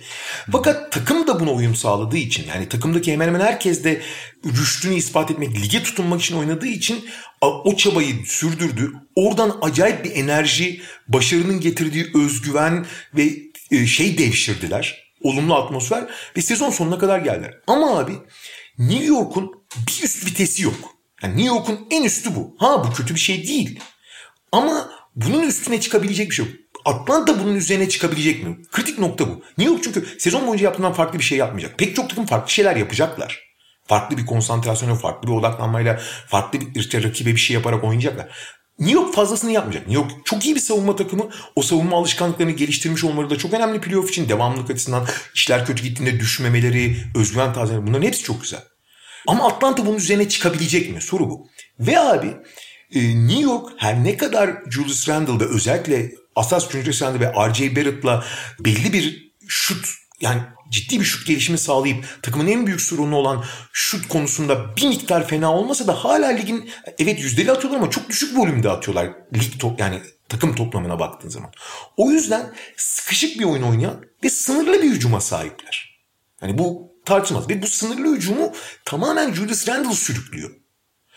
Ve abi Atlanta'nın buna verebileceği çok net bir yanıt var. Şimdi bence maçın e, serinin hikayesi biraz tabii ki Atlanta'nın hani e, bu atmosferden, bu New York'un yırtıcılığından, sertliğinden yılmaması olacak. E, burada yeri gelmişken şeyi de söyleyeyim. Playoff basketbolun en önemli farklarından biri de Abi playoff ortamında gerek hakemlerin düdükleri gerek oyunun yoğunluğuyla fiziksellik teknikten biraz daha öne çıkar. Yani fiziksel işte atletizm, fizik ve teknik üzerinden değerlendiriyorsun oyuncuları bir oyunu. Fizikselliğin daha öne çıktığı ve fiziksel oynayan takımların daha avantajlı olduğu, daha hani fizikselliğin daha değer kazandığı bir yerdir. Ve New York buralarda büyük avantajlı. Buradan Atlanta'nın ne kadar geri adım atacağı önemli. Ee, her şeyden önce. Fakat Atlanta'da bir tane şey çok belirleyici. Nate McMillan kariyeri boyunca harika bir sezon geçirdi. Zaten geçen sene Indiana'da Indiana'nın düştüğü hale bakarsan da görüyorsun. Fakat Nate McMillan'ın playoff'ta ayarlama yapmadığı, çok ilkel oynattığı da bilinen bir şey. Tarih boyu yani Hı-hı. bütün kariyeri boyunca. Burada abi planlarını değiştirip New York'a göre bir önlem alacak mı? Bunun da bir tane şartı var abi. Şimdi sezon boyunca oynanan 3 maçta da perişan etti Julius Randle, John Collins'i. Ve çok rahat oynadı. Ve New York'un zaten hani iyi savunma yapıp hücumu belli bir seviye kadar yapabildiğini biliyoruz. iyi senaryolarda bile. Abi Julius Randle olmadığı zaman da hücum edemiyor zaten doğru düzgün New York. O hücumu da yapılamıyor. Tamam Derrick Rose girdiği zaman bir şeyler yapıyor falan ama sınırlı bir hücum. Abi John Collins'i eğer şeyle eşleştirmeyip Julius Randle Clint Capela'yı eşletirse çünkü Clint Capela dışarıda savunma yapmayı öğrendi biraz. Ayakları o kadar problemli değil. Artı fizik olarak yenilmez şeye. Müthiş de bir savunmacı. Randall'ı şeyle eşleştirip Capela'yla John Collins'i Taj Gibson veya Nerlens Noel kim varsa onunla eşleştirirse John Collins de orada problem yaşamaz. Çünkü Taj Gibson ve Nerlens Noel birebir oynayan oyuncular değil. E John Collins fizik olarak çok geride kalmaz onlardan. Abi sadece bu değişiklik ve işte iyileşen tabii ki kendini bulmayan zaman zaman DeAndre Hunter'ı da denerse Abi o zaman New York'un zaten sınırlı olan hücumunu çok çok zor durumlarda bırakabilir Atlanta. Kendileri hücuma gittikleri zaman da şey olmadığı sürece, çok sinmedikleri sürece, fiziksellikten çok etkilenmedik sürece çok yüksek potansiyeli var abi. Hele sezonun ikinci yarısında Galinari döndükten, Bogdan Bogdanovic forma girdikten sonra Trae Young son dönemde tabii ayak bileği burkuldu ama şu anda iyi. Onun liderliğinde zaten hücumda John Collins'le falan zaten çok üst düzey bir takımlar. E devrilen bir kapela da var. Abi tavanı çok daha yüksek Atlanta'nın ve açıkçası New York'un o koyduğu standartın üzerine çıkan kapasitesi eğer doğru hamleler yapılırsa bunu yapabilecek şeyi de var. Yani yöntemi de var Atlanta'nın. Ve ben o yüzden şey diyorum abi 4-2 Atlanta diyorum. Ben şöyle iki noktada hani karşı bir şey söyleyeyim abi. Ya Capella'yı evet Randall'ın üzerine verebilirler ama Capella'nın dışarı çıkması durumunda ben aşağıda çok problem yaşayabileceklerini düşünüyorum. Taj Gibson ya da Noel ya da diğer oyuncuların da şeye girmesiyle içeri rebound falan desteklemeleriyle birlikte Capella kendi pozisyonunda kaldığı zaman, kendi alanında kaldığı zaman zaten domine eden bir güç kendi iyi yaptığı şeylerle. Fakat onu eğer oradan çıkarırsan bu Atlanta'ya başka zararlar verebilir. Ha bir yöntem midir, bir şey midir? Evet Randall'a karşı önemli olabilir. İkinci noktası da bununla bağlantılı olarak yani anlıyorum sen hani Randall'ın Randall'ı kontrol ederse Atlanta büyük ölçüde zaten işi çözmüş olacak. New York hücumu çok sıkışacak diyorsun. Evet böyle olabilir. Böyle bir tarafı var. Fakat abi Derrick Rose gerçekten süper oynadı sezonun son bölümünü. Ve yani Chicago günlerindeki gibi bir Derrick Rose dominasyonu başından sonuna Derrick Rose'un kontrol ettiği oyunlar beklemiyorum ama Randall durdurulduğunda da New York'un yapabileceği birkaç numara var. Çıkarabileceği cebinden birkaç şey var. Derrick Rose onlardan biri. Mesela bence şey normal sezonun sondan bir önceki hafta sonuydu galiba. O Clippers maçında bunun iyi bir provasını yaptılar. Ya, o gün Clippers Randall'ı çok iyi savundu. Ve Randall e, verimsiz bir oyun oynadı. Buna rağmen farklı bir şeylerle yani buna savunmada dahil işte hücumda başka öne çıkan oyuncular da dahil bir şeyler çıkarmaya devam etti Knicks cebinden ve Randall'dan ibaret, Randall'ın iyi oyunu, oyunundan ibaret bir takım olmadıklarını gösterdiler. Ha tabii ki Randall verimsiz kaldığında, yüksek yüzdeyle 20 sayıları geçemediğinde, onun üzerine çıkamadığında evet yara alıyorlar ve alacaklardır. Sonuçta çok çok iyi hücum eden bir takım değil New York Knicks ama onlar Atlanta'yı kısıtlayabilir. Derrick Rose bence iyice öne çıkar hale geliyor. Başka çözümler bulabilirler. Randall'ı savunayım derken fazla önlem almak Atlanta'ya başka yerlerden açıklar verebilir. Ben zaten bütün maç demiyorum abi ama DeAndre Hunter'ı da kullanırsın. Gerektiğinde Capella'yı kullanırsın. Yani izolasyona yıktığın zaman. Aha. Yani maçın yarısında bile savunsa verebileceği cevaplar var açıkçası Atlanta'nın. Ha verir Yo, mi? var var. En önemlisi abi Atlanta'nın fiziksellikten sinmemesi lazım. Geri adım atmaması lazım yani. Ben de kesinlikle Randall'ın senin söylediğin gibi yani normal sezondaki kadar domine edebileceğini falan düşünmüyorum Atlanta'yı. Belki bir maç öyle çok özel oynayabilir ama seri genelinde o kadar Randall ağırlıklı geçirebileceklerini düşünmüyorum. Ama işte New York'un hani daha normal bir Randall performansının yanına koyabileceği şeyler de var. Tabii ki Atlanta'nın hücum potansiyeli çok daha yüksek ama buna karşılık New York Knicks de ligin en iyi savunma takımlarından biri. Ya şey mesela kritik istatistiklerden Knicks çok fazla üçlük veriyor ama üçlüyü de iyi savunuyor bir tarafta. Evet. Ya miktar olarak veriyor fakat dışarıya gidip orayı da baskı altına alıp savunuyor ve atışı kalitesizleştirebiliyor. Bu mesela en büyük belirleyicilerden biri olacak Atlanta'ya karşı oynarken. Doğru. O biraz da şeyle alakalı abi. Çok yıpratıcı oynadıkları için oyuncuların tedirgin atmaları nedir? Çünkü çok boş, ligin en çok boş üçlük veren takımı da New York. Yani o şeyde takip edilen istatistikler var yani yakın, en yakın savunmacının nerede oldu. Abi sezon o kadar yıpratıcı ki New York boş üçlüklerde diğer yani ligin en düşük yüzdesine sahip New York rakibin bo boş üçlüklerinde. Bu ama tesadüf değil. Evet bunun içinde biraz şans faktörü vardır az da olsa ama yıpratıcılıkla alakalı. İşte Atlanta'nın bu playoff psikolojisiyle bu yıpratıcılıktan geri adım atmaması gerekiyor. Yani benim asıl endişelendiğim New York'la ilgili o. Yani o yıpratıcılığı sezon boyunca gösterdiler. Evet normal sezonda bu işe yarıyordu ama playoff'ta rakibin hazır olması gerekiyor. Ha Atlanta buna hazır olabilir mi? Çok tecrübesiz. O yüzden böyle bir e, şey var. Hani hazır olamama ihtimali her zaman var. Hele New York'taki atmosferi falan da düşünürsen. O yüzden zaten ben 7 maça hani çok yakın geçeceğini 7 maça uzarsa ama New York kesin kazanır. New York'ta kazanamaz yani Atlanta 7. maçı. O yüzden 4-2 dedim. Hı hı. Sen ne diyorsun? Ben 4-3 Knicks diyorum. Evet, 7. maça kalırsa Knicks alır bence de bu arada. Evet. Peki Batı konferansına geçelim. Geçelim abi. Başta da söylediğimiz gibi biz Cuma günü kaydı yaptığımız için henüz Golden State Memphis kazananı belli değildi. Utah biraz iki ihtimal üzerinden konuşacağız. Ama şunu söyleyeyim yani en başta hani Golden State tarz olarak sonuçta Utah'a biraz daha ters gelecek takım görünümünde. Daha kısa beşle oynadıkları, daha onların ikili oyununun savunması, uzunun dışarıya çıkmasını bir şart haline soktuğu için falan çok da normal. Memphis tam olarak aynı tipte bir takım değil. Memphis'e karşı oynarken Gober'i daha aşağıda konumlandırabilirsiniz. E, tamamen dışarıya çıkmak zorunda değilsiniz vesaire. Fakat hani Golden State de çıksa Utah'ın karşısına bu tarzlarının biraz daha ters gelebilme ihtimaline karşı ben genel resimde hani seri bütününde çok çok Utah zorlayabileceklerini düşünmüyorum.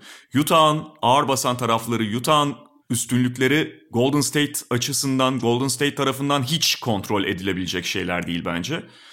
Ee, en azından bir seri bütününde. O yüzden hani Golden State'de çıksa, Memphis'te çıksa işin değişeceğini çok düşünmüyorum. Hatta şöyle söyleyeyim. Yani Golden State Memphis'te Golden State'i biraz daha önde görüyorum ama Memphis çıkarsa Memphis'in Utah'ın canını biraz daha sıkma ihtimali de var. Tezat da olsa biraz böyle görüyorum. O biraz Memphis'in belir, belirsizliğinden abi. Şöyle başında söyledim ya hani normalde yaptığın yani sistemin yarattığı avantajların azaldığı bir senaryo oluyor playoff'ta. Hı hı. Abi Utah için en önemli konu bu. Çünkü Utah'ın bu sezon NBA birincisi olmasıyla ilgili olarak en önemli şey abi Utah şu anda stratejik olarak ligin en verimli basketbolunu oynuyor.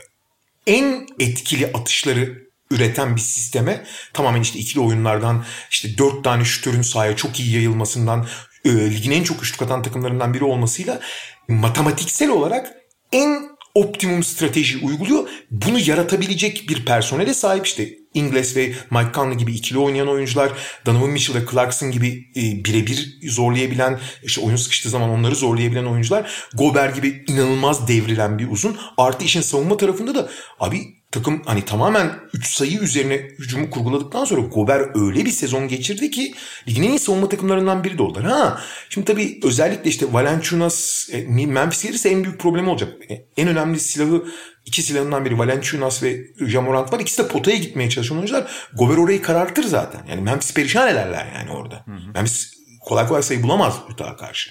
Ama Golden State tabii daha dışarıda aksiyon yapan bir takım olduğu için hani Gober'in etkinliğini kısmen düşürebilirler ki bence Gober dışarıda da çok kötü savunmacı değil. Çok kötü duruma düştüğü pozisyonlar insanların aklında kalıyor ama genel toplamda iyi olduğunu iddia etmeyeceğim ama çok kötü değil Gober. Hani kimse bir Ben Adebayo değil tabii ki. Ama dışarı çıktığı zaman da eli ayağına dolanan bir adam da değil. Çok uzun olduğu için yetişiyor falan arkadan zaten. Evet. Fakat bütün bunların dışında abi Utah'ın sistem olarak en optimum kolay sayı üretmesi ve onu bitirmesi konusunda o yüzden NBA birincisi abi adamlar. En verimli şutları üretiyorlar. İkili oyundan birebirden, topsuz oyundan, topsuz aksiyondan vesaire. Ve çok tane, dört tane ya da zaten kenardan gelenlere bakarsan Clarkson, Niang, işte İngiliz falan kim olursa olsun onlar da müthiş yüzdeyle attığı için en verimli şutu en iyi bitiricilerle yapıyorlar. Şimdi bu abi ve makine düzeninde çalışıyor. Abi bunu ne kadar bozabilirsin? Yani ne Memphis'in ne Golden State'in istikrarlı bir şekilde bozabileceğini düşünmüyorum ben.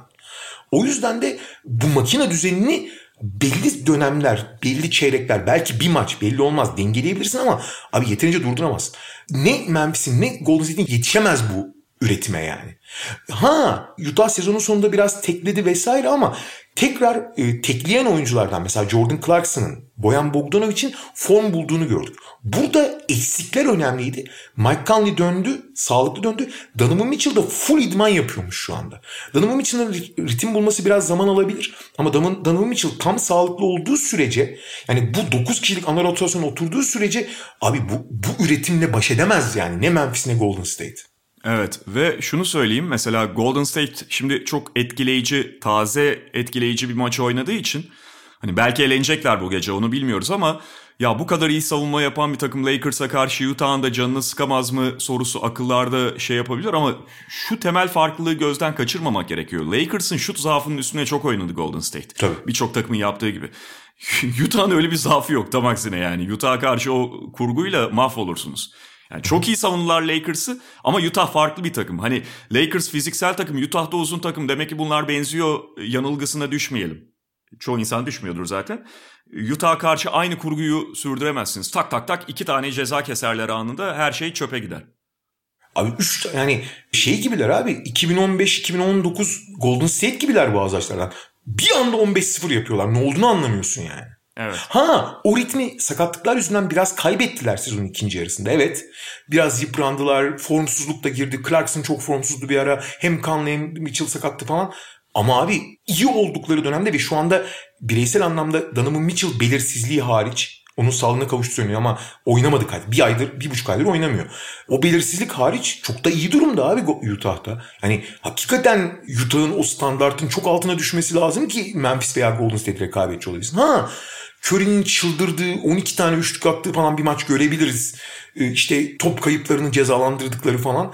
Ama abi Utah'ı belli bir seviyenin altında tut, o serinin üzerine hani bir maç bir çıkma ihtimali var şeyin Golden State'in. Ben Memphis'in hiç olduğunu düşünmüyorum. Hani Memphis'in bütün hücum sistemini nötralize edebilir Utah. Memphis de evet çok geniş kadrolu bazı problemler çıkarabilen bir takım bazı açılardan iyi gözüküyor ama 48 dakikanın genelinde baş etmesine imkan yok Utah'la bence. Hani hele ki dediğim gibi Jamorant ve Valanciunas'ı tamamen nötrleyecek bir oyun yapısına sahip olduğu için şeyin Utah'ın. E, Golden State'in hani bir maç alma ihtimali var. Curry'e saygımızdan diyelim yani. Hı hı. E, çünkü olağanüstü formda. Her ne kadar yıpranmış olarak gelecek olsa da. Ama Utah'ın hiç zorlanacağını düşünmüyorum. Yani ben Memphis gelirse 4-0 Golden State gelirse de hani 4-0 ama bir maçta hadi Curry'nin altına bir maç diyeyim 4-1 diyeyim yani. Ben 4-1-4-1 diye kolay bağlayacağım. Ha, iyi. Dediğin gibi biraz Memphis'in belirsizliğinden onlarla ilgili tam karar. Doğru Memphis bazen çok çok acayip olabiliyor. Özellikle açık saha bulursa ama Utah'ın da açık saha vereceğini hiç zannetmiyorum onları. Ya şöyle Memphis hani geçen hafta da sanırım ifade etmiştim. Sezonun son bir ayında beni hayal kırıklığına uğrattı.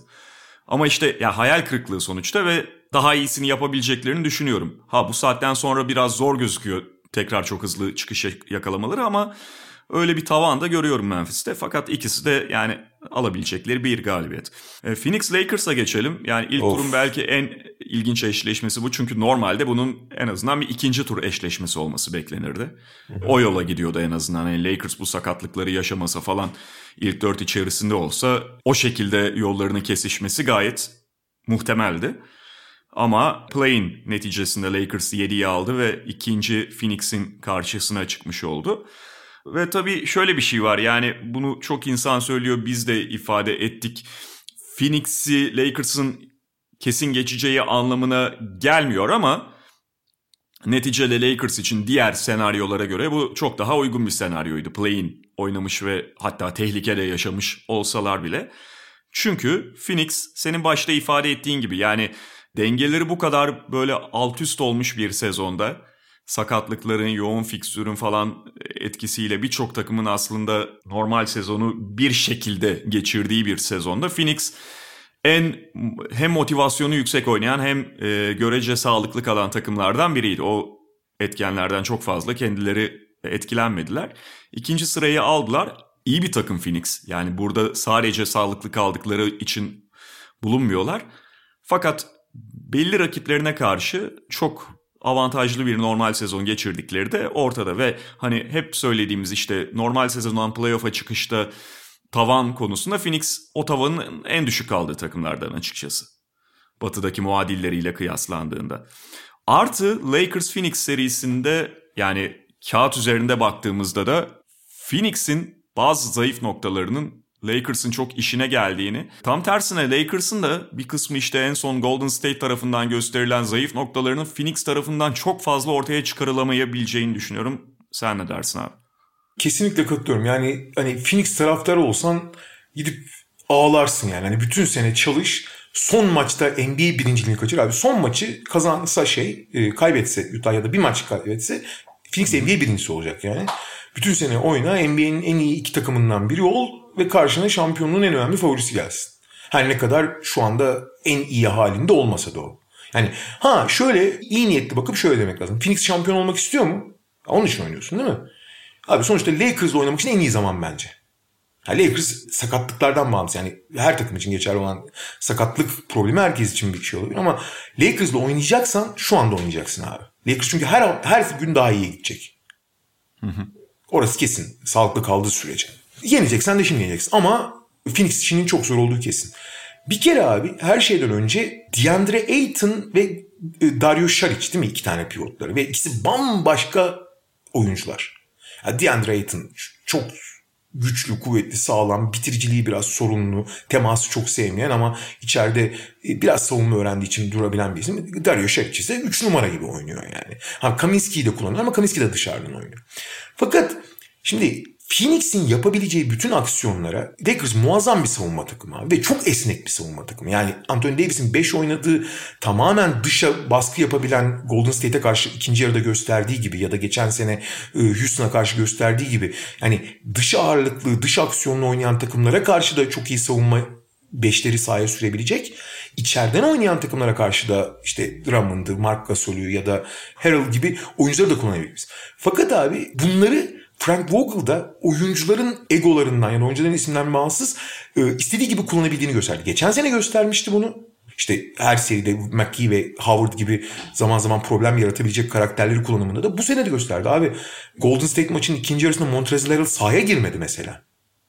Eminim çok problem çıkarmıştır Montrezl Harrell. Bir şey söyleyemiyor tabii şu aşamada LeBron falan varken. E, şeyi şeyi çıkardı abi oyundan. Caruso'yu oynatmak için. Dennis Schroeder'i kesti abi. Schroeder. Yani şimdi bunları da yapabiliyorsun ve böyle oynayabiliyorsun. Şimdi LeBron ve AD olduğu sürece etrafına işini yapan doğru oyuncuları koyduğun zaman zaten kurgu sağlıyorsun. Ama savunmada rakibin sistemsel olarak ürettiği her şeyi elinden alabilecek personelin de var. Tabii ki burada Anthony Davis'in olması çok büyük avantaj. Yani tamam Gober belki yılın savunmacısı olabilir ama playoff atmosferinde rakibe göre değişken savunma yapabilen oyuncular arasında Anthony Davis'in yeri çok ayrı. Anthony Davis belki bunu 82 maç yapamaz ya da belli rakiplere karşı çok da istemiyor, çok temas sevmiyor zaten. O yıpratıcılıktan biraz kaçınıyor vesaire vesaire ama abi bu amip gibi değişken savunmalar, rakibe göre değişebilen savunmalarda Anthony Davis'in yeri çok ayrı. Anthony Davis'le başlayan olağanüstü bir savunma kurguları var. Zaten zihniyet olarak da geçen seneden getirdikleri e, LeBron ve Davis yokken bile o savunmayı kurgulayabildiler. Çünkü en savunmadan uzak savunma disiplinden uzak oyuncuyu bile artık bu anlayışa, bu kafa yapısına sokmuş durumdalar. Ve çok zorluyorlar rakipleri. Yani rakibin ana üreten, en başta söylediğim o sistemin ürettiği sayılarını tamamen elinden alıyorlar. Bireysel olarak ne yaratabileceksin? Şimdi oraya geldiğin zaman da şöyle bir problem çıkıyor abi. Şimdi takıma bakıyorsun tamam mı? Abi Michael Bridges tamamen sistem üretiminden üzerinden sayı üretebilen bir oyuncu. DeAndre Ayton tamamen sistem üretiminden üzerinden sayı üretebilen bir oyuncu. Jay Crowder çok büyük oranda sistem üretim üzerinden sayı üretebilen bir oyuncu. Eli iyi ısındığı zaman bazen hani ekstra şut attığı bölümler olabiliyor ama o da sistem üzerinden üretebilen bir oyuncu. Geriye abi şöyle oyuncular kalıyor. Şimdi Cameron Payne ve Dario Saric var. Bunların hakkını yemeyeyim abi. Onlar hakikaten sistem dışı bir şeyler üretebiliyorlar ama onların üretimine kalacak. Özellikle Şaric'in oynadığı her dakika demek zaten fiziksel olarak anormal yıpratıcı bir takım olan Lakers'a karşı fizik olarak problemli Phoenix'e tamamen teslim olması demek. Tamamen teslim olması demek. Yani Aiton yerine Şariç oynatırsan. Çünkü abi yani benim çok sevdiğim bir oyuncu. Çok da iyi bir sezon geçirdi ama Michael Bridges'ın bu seride ne kadar zorlandığını göreceğiz. Çünkü fizik olarak yetersiz abi. Yani Kuzmalar, Caldwell Pop falan bile hatta Wesley Matthews bile fizik olarak çok bozar Michael Bridges'i. Michael Bridges abi Booker gibi oyuncuları, Schroeder gibi oyuncuları savunmak için iyi. Tamam mı? Hı-hı. Çok uzun kollu, çok atlet, çok akıllı makıllı ama fizik olarak yetersiz. Orada Crowder devreye giriyor. Ama sen eğer Aiton'u çıkarıp Şaric alırsan zaten iki tane fiziksiz gardın var. Booker'la Paul. Tamam Paul boyundan çok daha büyük oynuyor. Çok sert oyuncudur ama abi küçük abi adam. Hı hı. Şimdi bu kadar fizikselliği rakibe teslim edemezsin. Yani Şaric'i çok uzun süreler oynatamazsın. Tamam mı? Ha, bu kesin. Abi LeBron ve Davis falan bu fiziksellikle abi bir, iki üst siklet boksör gibi oluyorsun. Davis'in 5 oynadığı senaryoda çünkü Davis 5 oynadığı zaman Le, yani Kuzma 4 LeBron 3 oynuyor zaten. Fizik olarak küçülmüyorsun ki. Burada abi iş gidip gelip şeye kalacak. Şimdi Payne ve Şariç evet üretir. Abi iş Chris Paul ve şeye kalacak. Devin Booker'a. Burada da şöyle bir sorun var. Şimdi Chris Paul evet üretir. Tamam mı? Yani bulur suçlarını. Fakat Chris Paul bir skorer değil. Chris Paul 20 sayı atar en fazla. Anlatabiliyor muyum? En fazla yani. Ha birilerine de bir ekstra skorlar bulur eyvallah. Fakat Chris Paul'un bu kadar zorlandığı serilerde de fiziksel olarak evet son iki sezonu çok sağlıklı geçirdi. Ee, geçmişini çok şey yapmayalım. Yani onu aşmış gibi.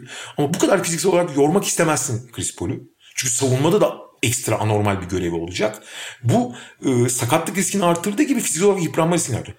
Artı burada esas problem Booker abi. Booker Curry değil çünkü. Booker e, üçlük atıyor ama çok, abi Booker'ın repertuarında üç sayı çok düşük oranda var. Hı hı. Yani skorerliğinde. Dribbling üzerinden rakibin üzerine giderek oynuyor. Abi öyle öyle oyuncuları çok boğar Lakers. Yani bu seride Booker'ın verimli hücum etme ihtimali düşük ve abi Booker verimli hücum edemediği zaman Phoenix'in çok ama çok zorlandığını ve e, hücum anlamında çok çok çok tıkandığını görecek. Bence savunma anlamında Lakers'ın şut sorunları, devamlılık sorunları vesaire gibi nedenlerle Lakers'ın hücumunun ben çok iyi olacağını düşünmüyorum.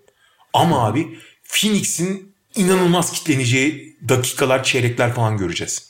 Aynı fikirdeyim abi. Yani Lakers bence de hücum problemlerinin yaşayacak yine Golden State karşısında olduğu gibi. Ha şu var tabii Golden State maçında o play-in maçında Lakers'ın tıkanmasının en büyük pay sahiplerinden biri Draymond Green'di. Kesin. Yani Anthony Davis'i birebir de çok iyi kontrol etti. 4 numara oynarken Anthony Davis. Üzerine zaten hem onu kontrol ediyor hem bütün savunmayı organize ediyor ve Drummond da orada Lakers'ı tıkadığı için Drummond'ın varlığı. LeBron ilk yarıda özellikle hayalet gibi olduğu için bütün bunlar bir araya geldi ve acayip tıkandı Lakers. 42 sayı atabildiler. Şimdi Phoenix'in bir Draymond Green'i yok abi. ve bu ciddi bir problem. Anthony Davis'in bu tip durumlarda en büyük savunmacısı aslında rakip takımın da en büyük avantajı Andre Drummond'ın sahada olması oluyor. Çünkü çok tıkıyor alanını. Yani orada Marc Gasol'ü çok kullanmıyor Frank Vogel bu ara. Bence bir noktada dönmek zorunda kalacak. Ya da işte Anthony Davis'i 5 numaraya çekmek onun ilk anda yapmak istediği bir şey değil. Golden State karşısında baktı ulan maç gidiyor dedi. Üçüncü periyodun ortasından itibaren bir başladı. Ondan sonra açıldı zaten Davis'te. Bunu ama maçın başında yapmıyor. Fakat Drummond'la Anthony Davis'in de şöyle bir karşı problemi var Phoenix'e karşı. Sen de söylediğin gibi yani nasıl tutacaksın? Şimdi Davis'in karşısına kim verecek? Crowder verdin diyelim. Kısa kalacak Crowder. Tamam hadi bir şekilde Davis'i şut üstünden oynattın diyelim ve o şutlarda girmedi. Bu defa 3 numarada Michael Bridges LeBron James eşleşmesi var. Ya o zaman da Le- LeBron'un Golden State maçının ilk yarısındaki kadar pasif kalması tek umudunu haline geliyor. O bahsettiğin fiziksel problemleri yaşamamak için en azından. ha çok gömülerek, rakibin şutunu riske ederek bu Lakers için zaten 2 yıldır en büyük geçerli çözüm yani kağıt üzerinde. Bir şey yapabilirsin ve Lakers hakikaten o savunmaları cezalandırma konusunda zayıf kalabiliyor. Özellikle işte Schroeder'de kadroda. Schroeder, Drummond, Davis, LeBron bunların hepsi birlikte oynarken böyle bir problem ortaya çıkıyor. Ama diğer taraftan da işte Phoenix nasıl sayı bulacak dedin yani Chris Paul bilmem ne hepsine bir çözüm var Lakers'ın. Dolayısıyla Devin Booker'ın üstündeki yük aşırı artmış durumda. Ne kadar kalkabilecek bunun üstüne kaldı ki Devin Booker'ın da başına verebileceği en azından savunmacılar var. Yani onu tabii ki 10-15 sayıda tutmayacaklar ama Devin Booker'ın işini de birebir de epey zorlaştırabilir Lakers. Ben de bir savunma serisiz olmasını bekliyorum başından sonuna. Savunmaların çok belirleyici olmasını, hücumların da verimsiz kalmasını bekliyorum. Ve iş buna döndüğünde de Lakers çok daha avantajlı hale geliyor. Yani çok rahat bir seri olmayacaktır kesinlikle ama 4-2 Lakers diyorum. Valla şöyle söyleyeyim 4-1 bile derim ama Lakers'ın hani devamlılık sorunları falan var. Artı şöyle bir şey olmak zorunda bence. Abi Phoenix bu seri, bence yani normal şartlarda 4-1 derim ama hani Phoenix'e saygımdan 4-2 diyeyim. Şöyle bir karar vermek zorunda abi. Phoenix bu seriyi geçmek istiyorsa kesinlikle yüksek tempoda oynamak zorunda. Çünkü Lakers henüz devamlılık sorunları nedeniyle evet savunma disiplini falan var ama işte LeBron geldi, AD yeni geldi falan. E, geri koşma problemleri yaşayabilir ve açıkçası Phoenix'in takımı Chris Paul hariç koşmaya çok yatkın bir takım. Hani Michael Bridges'ı, Jay Crowder'ı etkili kullanmak istiyorsan DeAndre Ayton da çünkü koş, yani çok yüksek olmasa da görece koşabilen bir uzun. Booker'ı etkili kullanmak istiyorsan yüksek tempo oynamak zorundasın abi. E Paul de tamam belki yüksek tempoyu çok ama en azından yönetebilir onu. Yüksek tempoda o savunma sıkışmasından kurtulma ihtimali var. Ama Phoenix sezon boyunca oynamadı onu. Yani sezon boyunca Paul'ün istediği basketbolu oynamaya çalıştılar. Buna çalıştılar. Yani bir anda abi beyler koşmamız lazım deyince olacak iş değil. Ama seri içinde bunu yapmak zorunda kalacaklar bence. Ha ne kadar yapacaklarını göreceğiz. Çok yüksek tempoda oynanan bir oyunda Phoenix'in bu savunma sıkışmalarından görece daha az etkilendiği senaryolar olabilir. Ama diğer senaryoların hepsinde Lakers'ın insafına kalmış durumda Phoenix. Dediğim gibi normalde 4-1 derim ama dedim işte yani Lakers'ın hala şu çok ritimsiz olması, LeBron'un %100 olmaması vesaire vasıtasıyla çok iyi şut atabileceği günlerin olacağını düşünüyorum. Ne bileyim kenardan gelecek bazı katkı alabilecek işte Cam Johnson sakat gerçi ama oynayacak mı bilmiyorum. Yani iki maç vereyim de normalde bir derim yani. Ben ama gene de resmi olarak 4-2 diyeyim. Peki Denver Portland'la devam edelim abi. Of. Bu da enteresan bir seri olabilir. Çok enteresan hem de. Ya başta şunu söyleyeyim. Portland sezonu 12 maçta 10 galibiyetle, son 12 maçta 10 galibiyetle tamamladı. Hı hı. Yani dolayısıyla bu tabloya bakıldığında playoff'a en sıcak giren takımlardan biri konumundalar. Şöyle söyleyeyim birçok maçlarını da izledim bu dönemde. O 12 maçta 10 galibiyet benim hayatımda gördüğüm en yalan 12 maçta 10 galibiyetlik periyotlardan biri. Çok net söyleyeyim. Ha bu şey değil Denver karşısında hiç şansları olmadığı anlamında söylemiyorum ama gerçekten şeyden falan da çok faydalandılar yani.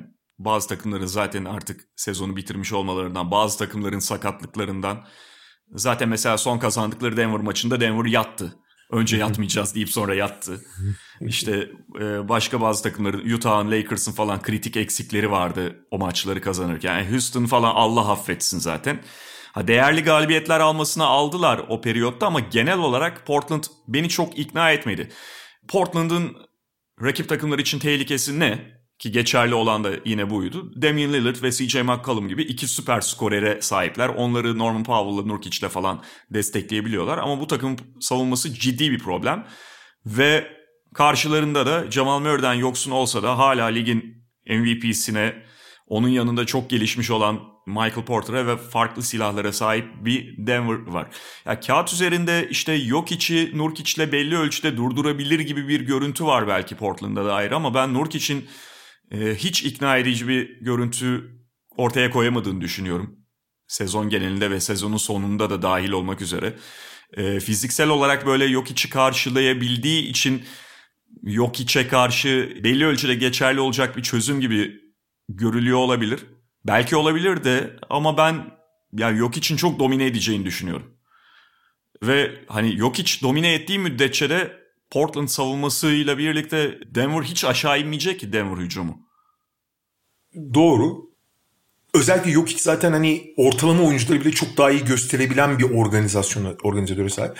Fakat abi Nurkic'in yok içi potadan uzak hiç savunmayıp onu dışarıda operasyon yapmaya, perimetrede aksiyon yapmaya itmesi bir kazanımdır. Yani boyalı alanda en azından belli bir hakimiyet var. Çünkü Michael Porter Jr. falan da hiç boyalı alanı zorlamadığı için Aaron Gordon zaten çok az top alıyor falan. Hani boyalı alanda o hakimiyeti kurmak zaten hiç savunma yapamayan bir takım için en azından bir avantajdır. Savunma rebound üstünlüğün vardır. Hı. Hani rakibin şut performansına bırakırsın işi falan.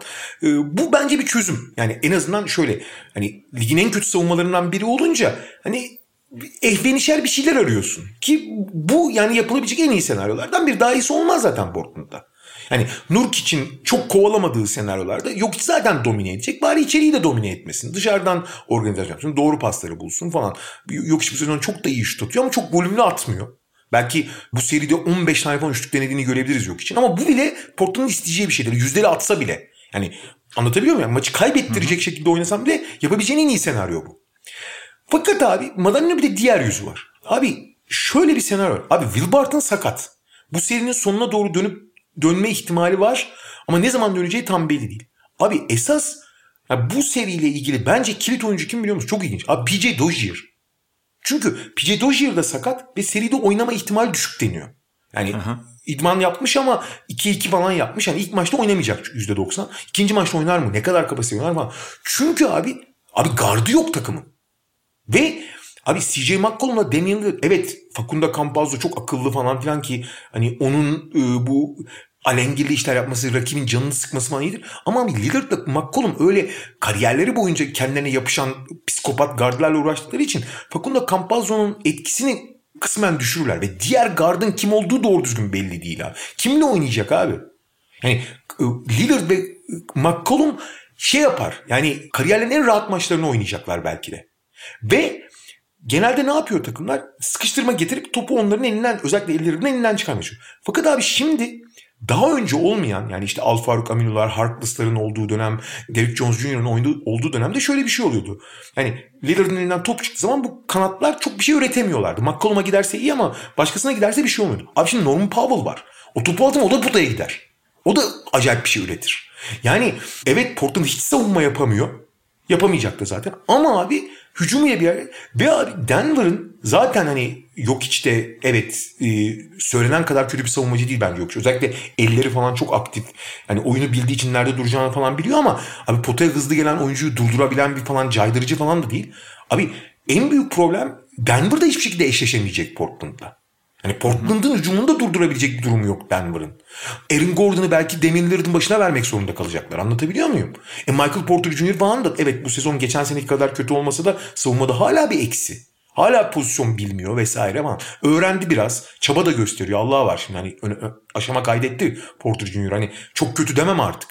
Ama abi Portland gibi kısalarından anormal üreten hem doğaçlama hem sistemsel üreten bir takımı yavaşlatabilecek bir yapı yok. PJ Dozier falan olsa hani işte Campazzo ile Dozier'i iki garda verdiğin zaman McCollum'la Lillard'a onları hani durdurmak kimin haddine ayrı konu ama onları biraz bozduğun zaman biraz etinden çıkardığın zaman işte Gordon'da şey verirsin Norman Powell'a hani bir şey bir kurgun olur. Yani o Portland'ın gülü oynaya oynamasına engel olursun. Abi Denver da bunu yapamayacak.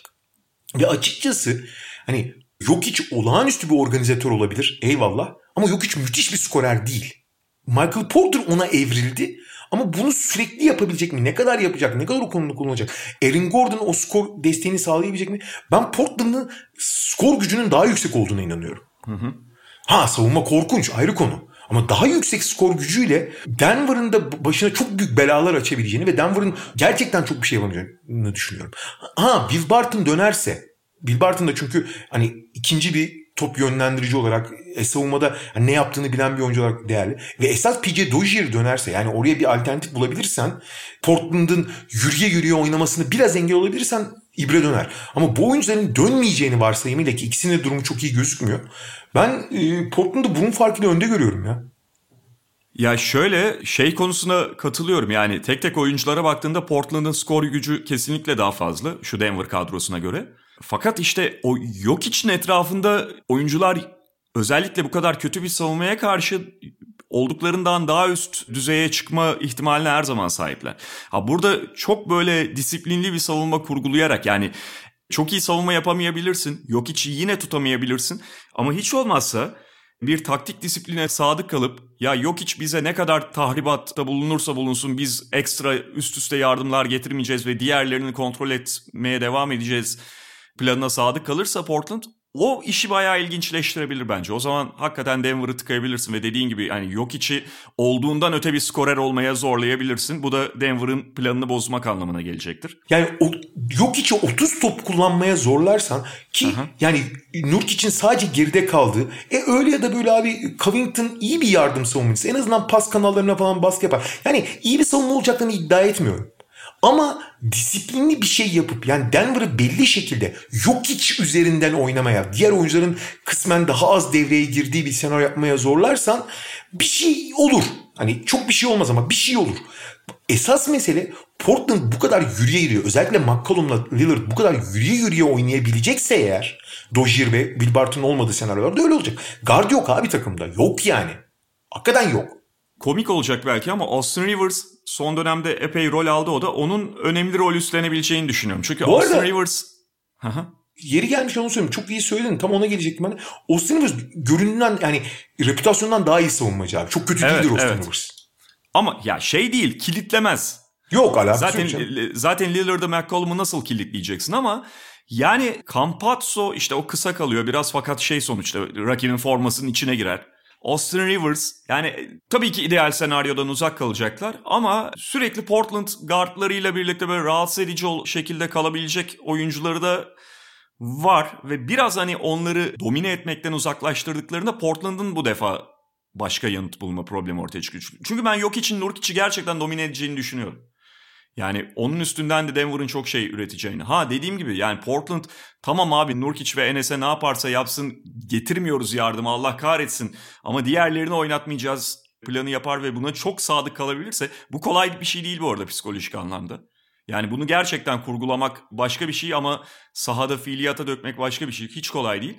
Ama bunu çok disiplinli yapabilirlerse o zaman iş değişir. Valla ben Dozier ve Barton yoksa 4-3 Portland onlardan biri bile dönse 4-3'ten vuruyorum. Çok ortada bir seri. Hı hı. Şu anki kadrolarla Portland ama dediğim gibi bunlardan biri de öyle ya da böyle dönecektir. Ya dediğim gibi döndüğü hal durumda Denver, dönmediği durumda Portland diyeyim. Ben de 4-2 Denver dedim. 4-2 dedin ha. Çok, iyi, çok yakın bir de 4-2 bekliyorum. Okey. Peki Son şey seri son seriyi Clippers Dallas. Sonuçta burada da geçen senenin bir rövanşı gibi görülebilir eşleştikleri için ama şunu söylemek gerekiyor. Yani Clippers'ın işte son iki maçı vermesi orada yatması biraz playoff ayarlaması yapması tartışıldı.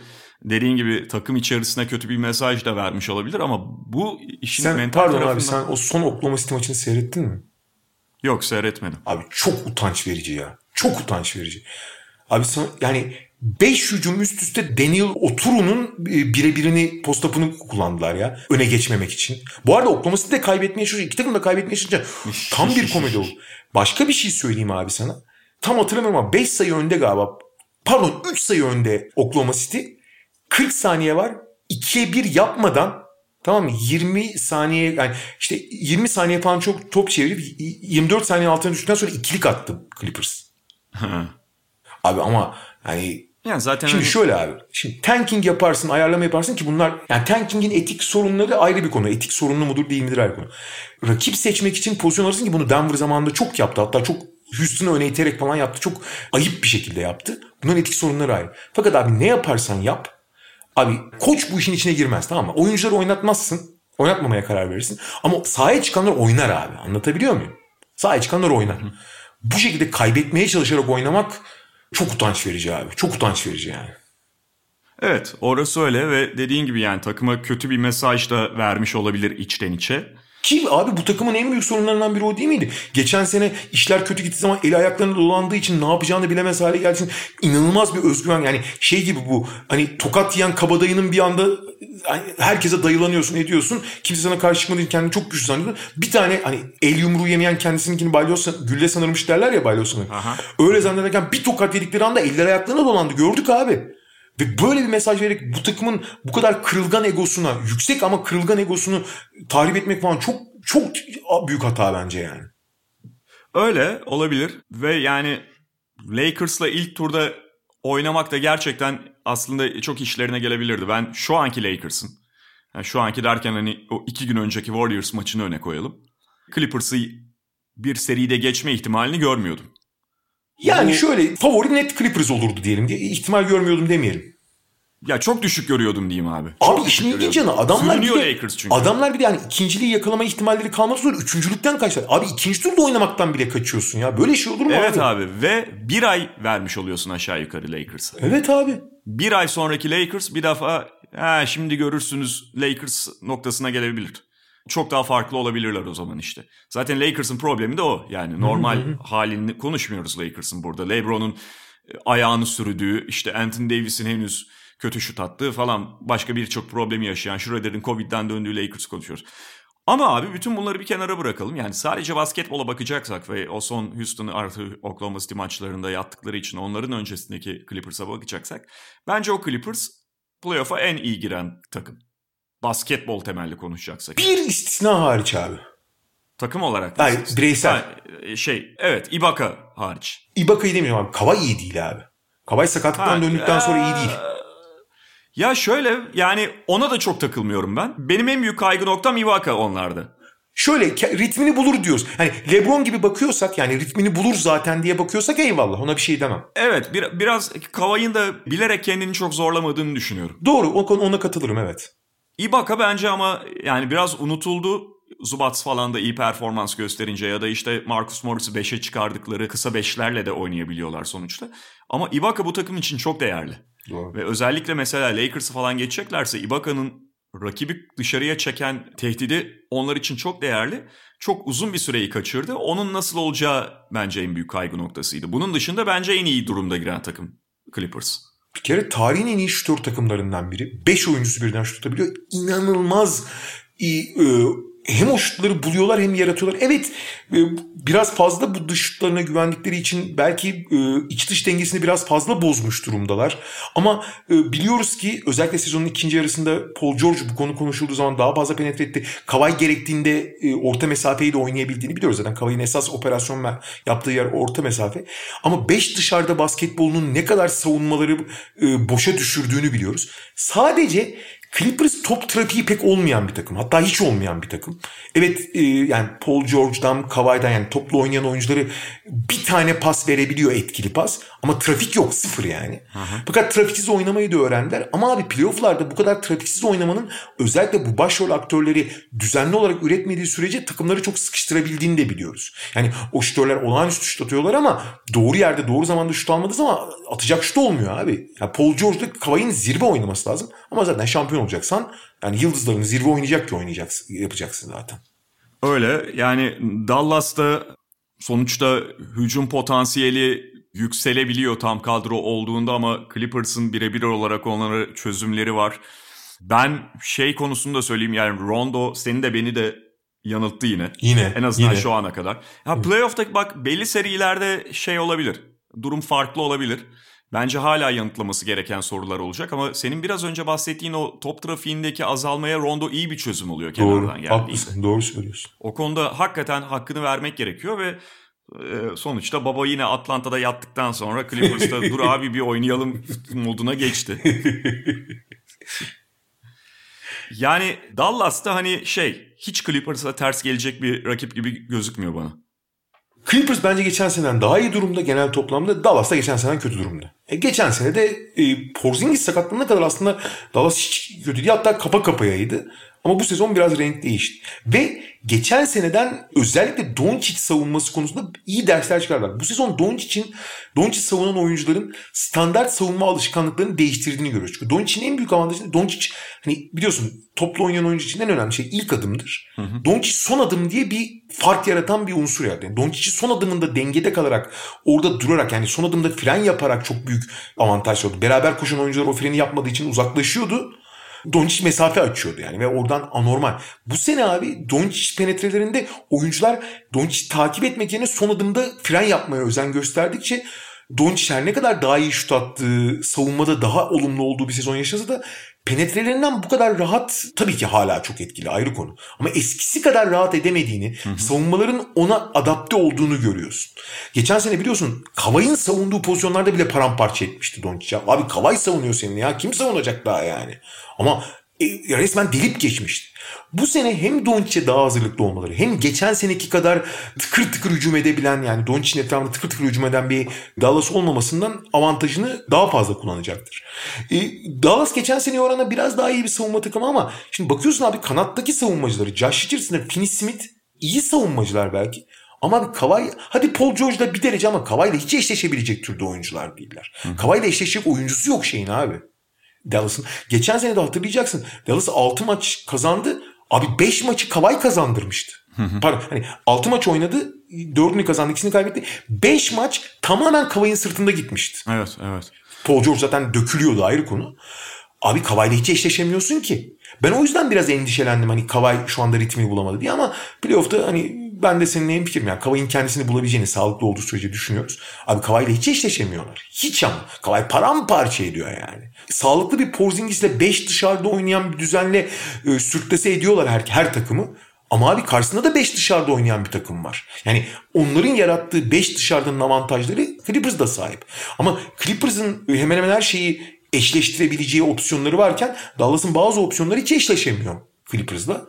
Bu açıdan hani geçen sene kötü bir seri geçirmesine rağmen geçmişti Dallas. Bakacağım Clippers seriyi. Bu sezon dediğim gibi Dallas biraz daha geride. O kusursuz hücum yok artık. Belki savunmaları geçen sene oranında bir tık daha iyi ama Clippers'a işleyecek türde bir savunma değil o. Yani o, o gelişim Clippers'a çok işlemeyecek. E hücum da bir tık daha kötü olunca Clippers'ın daha iyi durumda olduğu kesin. Ve ben 4-1 Clippers diyorum. Abi Clippers'ın saçmalama ihtimali çok yüksek ama O yüzden 4-1 diyorum. Der, iyice Clippers'ı yücelterek böyle şey. Yoksa 4-0 falan. Yok yok 4-1 Clippers diyorum. ya Dallas'ın çok iyi şut attığı Porzingis'in oynadığı senaryolarda falan bir maç zaten var. İkinci bir maç alma ihtimali olabilir ya Dallas'ın. 4-1-4-2 dedik. Hadi ben de 4-1 diyeyim ya 4-1. Evet böylelikle noktalıyoruz.